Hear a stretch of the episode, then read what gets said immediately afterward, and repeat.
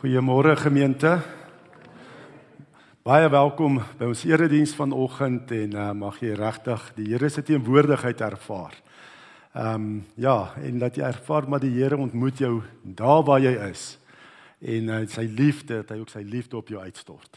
Baie seën ook vir elkeen ook vir die nuwe jaar. Ek weet dit is 'n bietjie sleg om so laat in die jaar te sê baie voorspoedige seën in die nuwe jaar, maar ek het lanklaas party van julle lanklaas gesien omdat ek ook nou nog vir 2 weke weg was. Maar ons sien uit na hierdie jaar en ons weet ook die Here gaan groot dinge ook in hierdie jaar doen. Ja, en die Here wat jou kan bevry van sonde gebondenheid. Ehm um, groet jou ook vanoggend. Genade, barmhartigheid en vrede word ryklik geskenk van God ons Vader en ons Here Jesus Christus deur die kragtige werking van die Heilige Gees. Amen. So hierdie laaste lied wat ons gesing het, sluit so nou aan by ehm um, by die boodskap ook van vanoggend en ehm um, by Bergbron se visie dat uh, Jesus is krag, hy's genesing. Ehm um, ja, hy is die krag en mag, hy is die hoop vir die wêreld. En uh, as ons kyk, ek wil vanoggend net weer bietjie stil staan by ons visie. Ons weet dit kom uit Jesaja 61 vers 1 tot 3. Die gees van die Here my God het oor my gekom. Die Here het my gesalf om 'n blye boodskap te bring aan die mense in nood. Hy het my gestuur om die wat moedeloos is op te beer, om vir die gevangenes vrylating aan te kondig. Vryheid vir die wat opgesluit is, om aan te kondig dat die tyd gekom het waarop die Here genade betoon Die dag waarop ons God sy vyande straf, maar almal wat treur vertroos.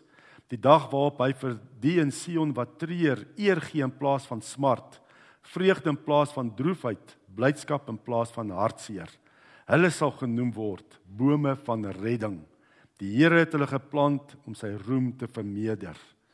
En dan weet ons ook in Lukas 4, uit Jesus in Nasaret in die sinagoge in Nasaret, het hy hierdie gedeelte gelees en toe het hy gesê vandag is hierdie skrifwoord vir julle vervul. Jesus het hierdie skrifwoord kom vervul. En dis dan waaruit ons visie ook kom Bergbron, 'n omgee gemeente gesalf vir genesing en bevryding. En uh en daarom wil ek ook nou lees 2 Timoteus hoofstuk 1. Want ons is gesalf, nê, nee, en die salwing dui op die werking van die Heilige Gees. Ons kan nie uit onsself ons as mense genesing of bevryding bring nie. Dis slegs deur die werking salwing van die Heilige Gees. En uh ek gaan veral fokus op um, 2 Timoteus 1 vers 7. Baie bekende vers. Maar ek gaan lees vanaf vers 1 tot vers 12 van Paulus, apostel van Christus Jesus deur die wil van God gestuur om die belofte te verkondig van die lewe in Christus Jesus aan Timoteus my geliefde seun genade barmhartigheid en vrede van God die Vader en Christus Jesus ons Here. Ek dank God wat ek net soos my voorouers met 'n skoon gewete dien wanneer ek onophoudelik dag en nag in my gebede aan jou dink. Ek onthou jou afskeidstrane en wil jou baie graag weer sien. Dit sal vir my groot vreugde wees. Ek dink ook aan jou opregte geloof, dieselfde geloof wat al in jou ouma Louise en in jou ma Eunice was en wat daarvan is ek oortuig ook in jou is. Om hierdie rede herinner ek jou daaraan dat jy die genadegawe wat God jou gegee het toe ek jou die hande opgelê het soos 'n vuur weer moet aanblaas. En dan ons fokus vers die gees wat God ons gegee het maak ons immers nie lafhartig nie maar vul ons met krag en liefde en selfbeheersing. Jy moenie skaam wees om die boodskap van die Here te verkondig nie. Jy moet ook nie skaam vir my wat om sy ontwille gevangene is nie. Inteendeel, dra jou deel van die ontberings vir die evangelie met die krag wat God jou gee. Hy het ons gered en ons geroep om aan hom toegewy te wees. Dit het hy gedoen nie op grond van ons dade nie, maar op grond van sy eie besluit en die genade wat hy van ewigheid af in Christus Jesus aan ons geskenk het. Hierdie genade is nou aan ons geopenbaar deur die koms van ons verlosser Christus Jesus. Hy het die mag van die dood gebreek en deur die evangelie die onverganklike lewe aan die lig gebring. van hierdie evangelie het hy my aangestel as 'n prediker en apostel en leraar. Om die rede lei lei ek ook hierdie dinge, maar dit skrik my nie af nie want ek weet op wie ek vertrou en ek is daarvan oortuig dat hy magtig is om wat hy aan my toevertrou het tot op die dag dat hy weer kom in stand te hou. Vers 7 die fokusvers, die gees wat God ons gegee het, maak ons immers nie lafhartig nie, maar vul ons met krag en liefde en selfbeheersing. Om hierdie vers te verklaar, moet ons dit teen die konteks lees, net teen die agtergrond. Wat was die agtergrond waarteen Paulus hierdie woorde skryf aan Timoteus? En uh, dan kom ons agteruit sommer uit hierdie eerste paar verse dat lyk like met Timoteus uh, se ywer en entoesiasme het afgekoel. Hy was nie meer so ywerig om die evangelie van van Jesus Christus te verkondig nie. Ehm um, Paulus lyk like met hom, jy kan sê was Paulus 'n katkesant, nê, nee, in vandag se terme. Paulus het met hom 'n pad gestap en en hom opgelei en hom die evangelie geleer en nou hy is 'n jong dominee En nou kom Paulus agter waar Paulus 'n gevangene is en dalk is Paulus selfs ehm um, tot die dood toe veroordeel. Kom hy agter maar sy sy hoe kan ek sê sy katkesant, nê? Nee? Uh die persoon wat hy mentor, nê, nee, het skielik afgekoel. Is nie meer so entoesiasties nie. Is bang. Het die vrymoedigheid verloor om die evangelie van Jesus Christus te verkondig. Hoekom het hy so afgekoel? Ons lees ook natuurlik in die twee briewe dat hy nog 'n jong man was, né? Nee, dis miskien vanweë sy jeug. En 'n paar ouer manne het hom dalk 'n bietjie al vasgevat. En uh dat hy dan sê nee, ek staan terug en vreesagtig begin raak. Ons lees ook dat hy ook nogal siek was Timoteus, nê? Nee, in die vorige 1 Timoteus 5 waar Paulus vir hom sê, drink ook maar 'n bietjie wyn vir jou maag en vir jou gereelde ontsteltehede, nê? Nee? Ehm um, so lyk my hy geworstel met gesondheid. Verder is sy mentor Paulus is in die tronk. Hy is daar dood veroordeel. Nou is dit nou iemand om te volg, iemand in die tronk, nê? Nee, 'n tronkvoël te volg, as jy nou so kan plat terme stel. En dan eh, kom hy ook en hy dink ook maar ehm um, selfs Jesus nê nee, was soos 'n soos 'n ehm um, moordenaar. Jesus was soos 'n misdadiger, selfs gekruisig ook. En dis wat hy moet verkondig. Hy moet Paulus volg en Jesus volg en hulle was Paulus is in die tronk en Jesus is soos 'n misdadiger gekruisig. En daarom het hy hierdie entoesiasme verloor om die evangelie te verkondig en dan die vervolging ook in daai tyd onder keiser Nero het toegeneem nê. Dit al hoe erger geraak. Christene is vervolg vir hulle geloof, hulle is doodgemaak. En so ek sê Paulus is dalk ter dood veroordeel hier waar hy tronk sit. En nou kom Paulus en hy kom agter maar Timoteus het nou gebackslide, nê. Nee, hy het afgekoel in die geloof. En hy sê nee, kom terug. Moenie skaam wees nie, wees 'n onbeskaamde getuie van Jesus Christus. Want hoekom? Christus God het vir ons sy gees gegee van krag, liefde en selfbeheersing. Dis die Heilige Gees wat in jou is en wat in ook vandag in jou en my is. Die Heilige Gees van krag, liefde en selfbeheersing. En sommer in hierdie woorde kom ons ook agter daar so drie vlakke van disippelskap, nê? Nee? En in die gemeente ook is ons strategie ook drie vlakke van disippelskap. En dit sluit hierby aan. Nê? Nee? Jy kan sê die eerste vlak van disippelskap as iemand kom tot geloof in Christus is baie keer sit jy nog steeds nê nee, met 'n gees ehm um, gees van van 'n uh, vreesagtigheid. Nê, nee, jy ken die Here, net soos wat Timoteus ook die Jesus geken het, en hy is verlos, hy's 'n kind van die Here, maar vrees kom oor jou. Jy sit met vreesagtigheid in jou lewe en dit demp jou en vat jou vrymoedigheid weg. Dis eintlik die eerste vlak van disippelskap, nê, nee, om nog te worstel met 'n gees van vreesagtigheid. 2 Timoteus 1:7 die 53 vertaling staan want God het ons nie 'n gees van vreesagtigheid gegee nie, maar van krag en liefde en selfbeheersing. En op die vlak 1 disippelskap moet jy daai gees van vreesagtigheid jy moet daarmee deel van ontslaa raak. Belangrik om ontslaa te raak van hierdie gees van vreesagtigheid. Soos Timoteus wat daarmee geworstel het, skaam en bang. Um selfs ook ons lees ook in hierdie gedeeltes, daar was baie Christene wat daai tyd skaam en bang was om ook vir eh, Paulus in die tronk te gaan besoek. Want dan identifiseer jy met Paulus, nê, nee, en jy kan self in die tronk beland. Dat Timoteus ook dalk so bang gembangerig raak het om vir Paulus te gaan ondersteun in die tronk. En hy sy bediening in Efese het afgeneem. Ehm um, is gedemp. En as jy worstel met 'n gees van vreesagtigheid, nê, nee, gaan jy sukkel om die Here werklik te kan verheerlik in jou lewe. Nee, want vrees het hy hy kruip so en hy vat sommer alles oor. Nee, jy worstel, jy sal nie sommer die Here kan verheerlik nie. Jy weet ek het al so baie keer gehoor selfs Christene en dan vra jy kerkmense, ehm um, Christene, hoe gaan dit? Nee, dit gaan baie goed. Dit gaan goed met my studies of dit gaan goed in my huwelik. Of dit gaan goed met my kinders. Dit gaan goed, nê? Nee, dit gaan goed by die werk. Maar touch wood. Nee, maar klaar reg dinge gaan verander. Net touch wood is ook maar bietjie bygeloof. Touch wood. Dinge kan nie so bly nie. Gaan nou te goed, maar dit kan nie so bly nie. Jy maak reg vir die onheil, vir die slegte om te kom. Hoe kan jy dan die Here verheerlik? Nee, waar is jou vertroue? Nee, touch wood en hout. En ehm um, ek maak my klaar reg vir die verkeerde. Ehm um, jy kan nie die Here, waar is ons vertroue? Dis in die Here. En nou weet ek, daar's ook goeie vrees, nê? Nee? Kom ons sorteer dit net gou eers uit. Daar's gesonde vrees, maar daar's ook ongesonde vrees. Gesonde vrees is ou moet maar bietjie skrikkerig wees voor 'n eksamen, sodat jy 'n bietjie kan begin leer, nê? Nee? Dan gaan sit op hy stoel en dat jy kan voorberei, nê, nee? dat jy jou verantwoordelikheid kan nakom. Ek het nogal ervaar hierdie naweek met die Victory in Jesus Christ, nê. Nee?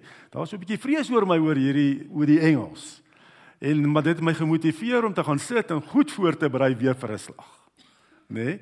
Ehm um, en dit is reg, dis gesonde vrees, nê. Nee? Dit dit veroorsaak dat jy jou verantwoordelikheid nakom. Maar ek ons praat nie van hierdie vreesagtigheid nie. Hierdie vreesagtigheid is daai ongesonde vrees wat jou lam laat. Jy kan nie fokus nie. Jy kan nie praat nie, nê? Jy behoort jy kan nie iets sê nie, weet jy, jy voel of hier jou keel toe trek. Dis daai vreesagtigheid. Dit wat Timoteus lyk my ook beheer begin vat het oor sy lewe, dat hy nie meer met vrymoedigheid wou getuig en sê maar ek's 'n volgeling van Jesus nie. Net vat jou verantwoordelikheid weg, want jy's te vreesagtig. Dis daai vrees waarvan ons praat. En vrees, daai vreesagtigheid laat baie keer die kwellings in jou lewe ook gebeur.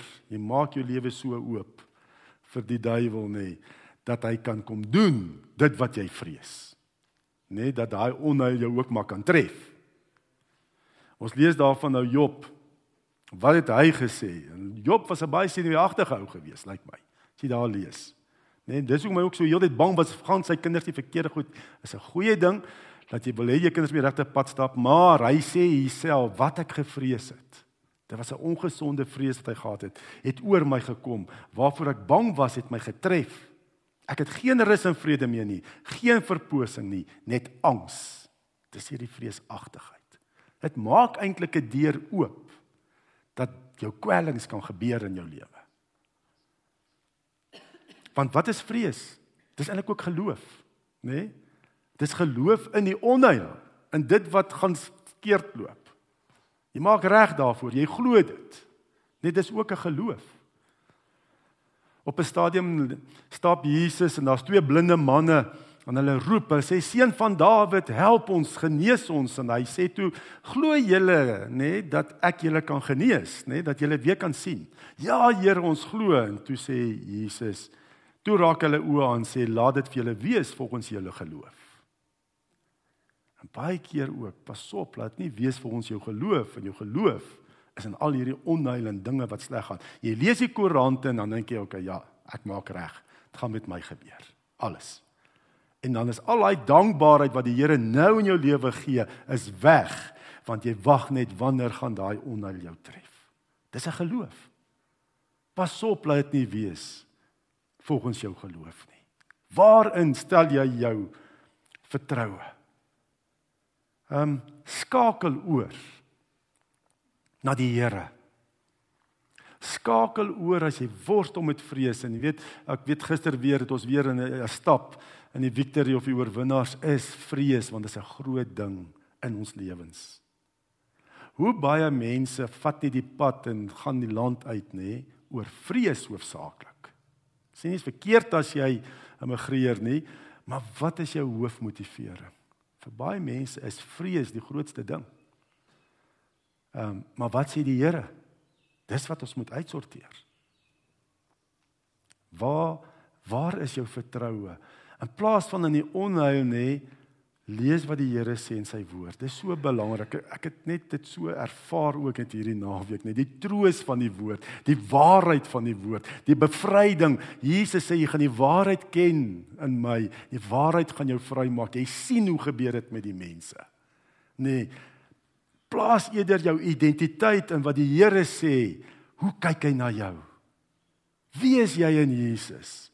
Watter waarde het jy vir hom in Jesus? Lees dit in die woord kyk in die woord wat sê die Here, wie is jy vir hom in Christus? Wat is jou identiteit in Christus? Dan gaan ons gaan hierdie vrese net wegval. As jy jou geloof skuif van onheil na wat die Here sê en wat wat jou waarde is in sy oë. So dis die eerste vlak, nee, raak ontslaaf van daai gees van vreesagtigheid. Dat is net 'n kwessie van tyd dan gaan dit met my gebeur. Maar sê, weet wat, dis nie 'n kwessie van tyd nie. Vandag is ek God se kind. Vandag is ek sy uitverkore kind. Vandag is ek 'n koning in sy koninkryk. 'n Koningin in sy koninkryk, 'n priester, priesteres in sy koninkryk. Nee, 'n profeet, profetes in sy koninkryk. Hy het 'n plan met my, wil my gebruik. Die Here sal my nooit verlaat of in die steek laat nie. Waardeur ek ook al moet gaan. Hy vat my daardeur. Dan sien ons 'n volgende vlak van van disippelskap. En dit is die gees van liefde en selfbeheersing. Ons het die Heilige Gees van liefde en selfbeheersing waarop jy moet fokus. Nou ehm um, die, die dit dit dit wys op die inwonende werking van die Heilige Gees, nê? Nee? Die Heilige Gees werk inwonend in ons lewens, nê? Nee? Om ons te bring tot geloof in Christus en ons is verlos en hy vernuwe ons dan ook dan na die beeld van Jesus Christus met sy vrug. Want liefde en selfbeheersing wys na die vrug van die Gees. En ons lees in Galasiërs 5 vers 22 dat die vrug van die Gees begin met liefde en die laaste vrug is selfbeheersing. So dit omvat al die vrug van die Gees nê? Nee, liefde begin selfbeheersing die laaste een sodat dit wys na die inwonende werking van die Heilige Gees. Nee, ons moet groei, die Heilige Gees kom werk in jou. Raak ontslaaf van daai gees van vreesagtigheid want dan kan die Gees nie werk nie. Heilige Gees nie werk nie. Sê wie jy is en fokus op wie jy is in Christus. Dan kom werk hy inwonend in jou. Nê? Nee, jy glo in Christus. Weet wie ek is in Christus en hy vernuwe my, my karakter met sy vrug. En ehm um, en as die Heilige Gees werk nê, sy werking het altyd te doen met lewe. Van die begin af van die Bybel lees ons die Gees word verbind aan lewe. Toe God vir Adam geskaap het, wat hy sy lewensasem in Adam geblaas en Adam het 'n lewende wese geword, nê? God se lewensasem in ons. En as ons nou so in die Ou Testament gaan ook, nê, in Jesegiel, daai doodsbeendere, net die Heilige Gees blaas oor hulle en daar kom lewe. Dis waarmee die Heilige Gees. Die ons het die Heilige Gees wat vir ons lewe wek. Bring vir ons lewe wat jy voluit kan lewe. Ehm um, in die Nuwe Testament lees ons nadat Jesus versoening gesterf het aan die kruis en die Sondagmôre opgestaan het, verskyn hy aan sy disippels in die bo vertrek en hy sê vir hulle nadat gesê het, nee hy sê eers soos die Vader my gestuur het, stuur ek julle ook. Julle is my gestuurdes. Dan sê hy Nadat hy het gesê blaas hy oor hulle en sê ontvang die Heilige Gees. Ontvang die Heilige Gees. As sy gestuurdes nê nee, kry die Heilige Gees. Is net deur die Gees wat ons sy gestuurdes kan wees. Dan hy gaan verder. Um 1 Korintiërs 12 vers 3 staan ook niemand kan sê Jesus is die Here nie behalwe deur die Heilige Gees. So jy kan slegs kom tot die ewige lewe net deur die Heilige Gees. Die Heilige Gees wat jou werklik bring tot geloof in Christus. Niemand kan sê hier is die Here behalwe deur die Heilige Gees. Romeine 8 vers 9 as iemand die gees van Christus nie het nie, behoort hy nie aan Christus nie. Die gees bring lewe. Ehm um, Johannes 10 vers 10 ek het gekom sodat jy lewe kan hê en dit in oorvloed. Is die gees, die gees moet werk in ons. En Johannes 7 vers 38 en dis 'n verwysing waar Jesus verwys na die Gees wat gaan kom. staan daar met die een wat in my glo, is dit soos die skrif sê, strome lewende water sal uit sy binneste vloei. Nê? Nee, dis wat met ons moet gebeur. Waar jy gaan, maandag ook jy by werk kom, nê, nee, moet die Gees, so werk jou lewe wat stromende lewende water so na almal toe gaan, na die mense om jou. Hulle moet lewe ervaar. Jy kan in Handelinge lees ook uh, Paulus die geskiedenis van Paulus nê waar hy op 'n skip is as 'n gevangene daar op pad na Rome toe. Nê? Ehm um, dan wat daar gebeur, hy bring lewe nê want as 'n verskriklike storm nê, selfs die matrose het moed verloor. Hulle gaan vergaan in hierdie storm. Dan kom Paulus en sê, "Nee, doen dit, doen dat." En so. Hy is die gevangene en wat daar beheer oor. Strome lewende water, daar waar die Here jou geplaas het by die werk, nê? Nee, strome lewende water moet deur jou vloei. Die Here het jou met 'n doel en 'n plan daar gesit. En jy kan lewe bring. Want ons het 'n wonderlike boodskap vir mense. Jesus sê vir daai gestuurde, hy sê so die Vader bestuur ek julle ook en hy blaas oor hulle, nee en hy sê as julle vir mense hulle sondes vergewe, word dit hulle deur God vergewe. As jy dit nie vergewe nie, word dit nie deur God vergewe nie. Dis die boodskap wat ons het. Ja natuurlik bedoel Jesus nie hier ek kan jou sondes vergewe nie. Weet ek kan vir jou vergifnis bring nie. Nee, ons het nie daai krag, niemand daai krag nie. Maar ons kan dit bring deurdat ons Jesus verkondig aan die mense om ons. En as hulle Jesus aanvaar het, kan ons sê jou sondes is vergewe. Dis klaar, dis verby. Jy's net jy kan sekerheid bring vir mense oor die ewige lewe. Hoeveel kerkmense worstel nog daarmee is ek ooit gered? Nee, daar is sekerheid. En ons kan dit bring aan die mense. Hoekom? Want Jesus gesê dit is volbring aan die kruis. En hy het bevestig dat hy vergifnis gedoen het volmaak toe hy opgestaan het uit die dood. Hy het die dood oorwin dat ons ook nou al die ewige lewe het. En dit is waarmee ons dan uitgaan. Ons kan vir mense nê die vergifnis in Christus, die verlossing in Christus bring en as hulle Jesus aanvaar nê, dan kan ons sê waar jy verlore was, lewe jy nou. Jy het die ewige lewe in Christus. En dan ook deur die werking van die Gees nê, waar mense ehm um, haat het nê, kom die Gees en vervang dit met liefde. En waar mense ehm um, ja, waar hulle geen beheer het nie nê, waar hulle wat ek soek nou die regte woord nê. Daai daai ehm um, uitgelewer in sondes nê word vervang met selfbeheersing deur die werking van die Gees. Die Heilige Gees werk inwonend en bring vryspraak, hy bring liefde en selfbeheersing in jou lewe. En toe Jesus hulle nou gestuur het, sy disippels, hoe het hulle gevaar?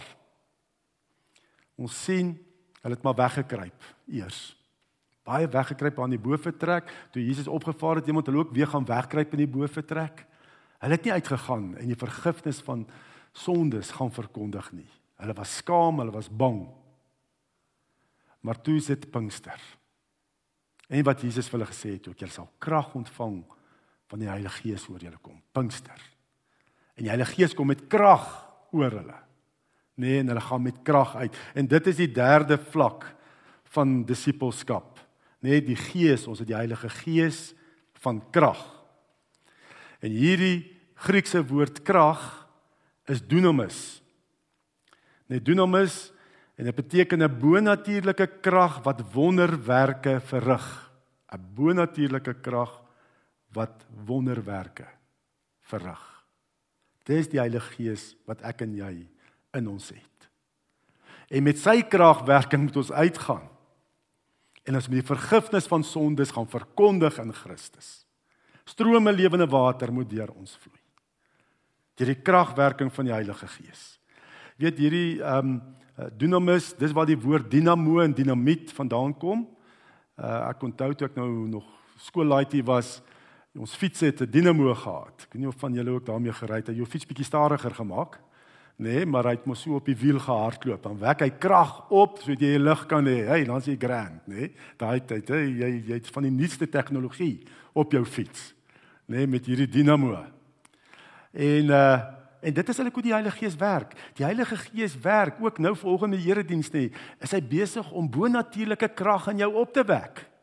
Nê, nee, bonatuurlike krag so jy maandag kan uitgaan en met dinamietkrag nê getuie kan wees van Christus.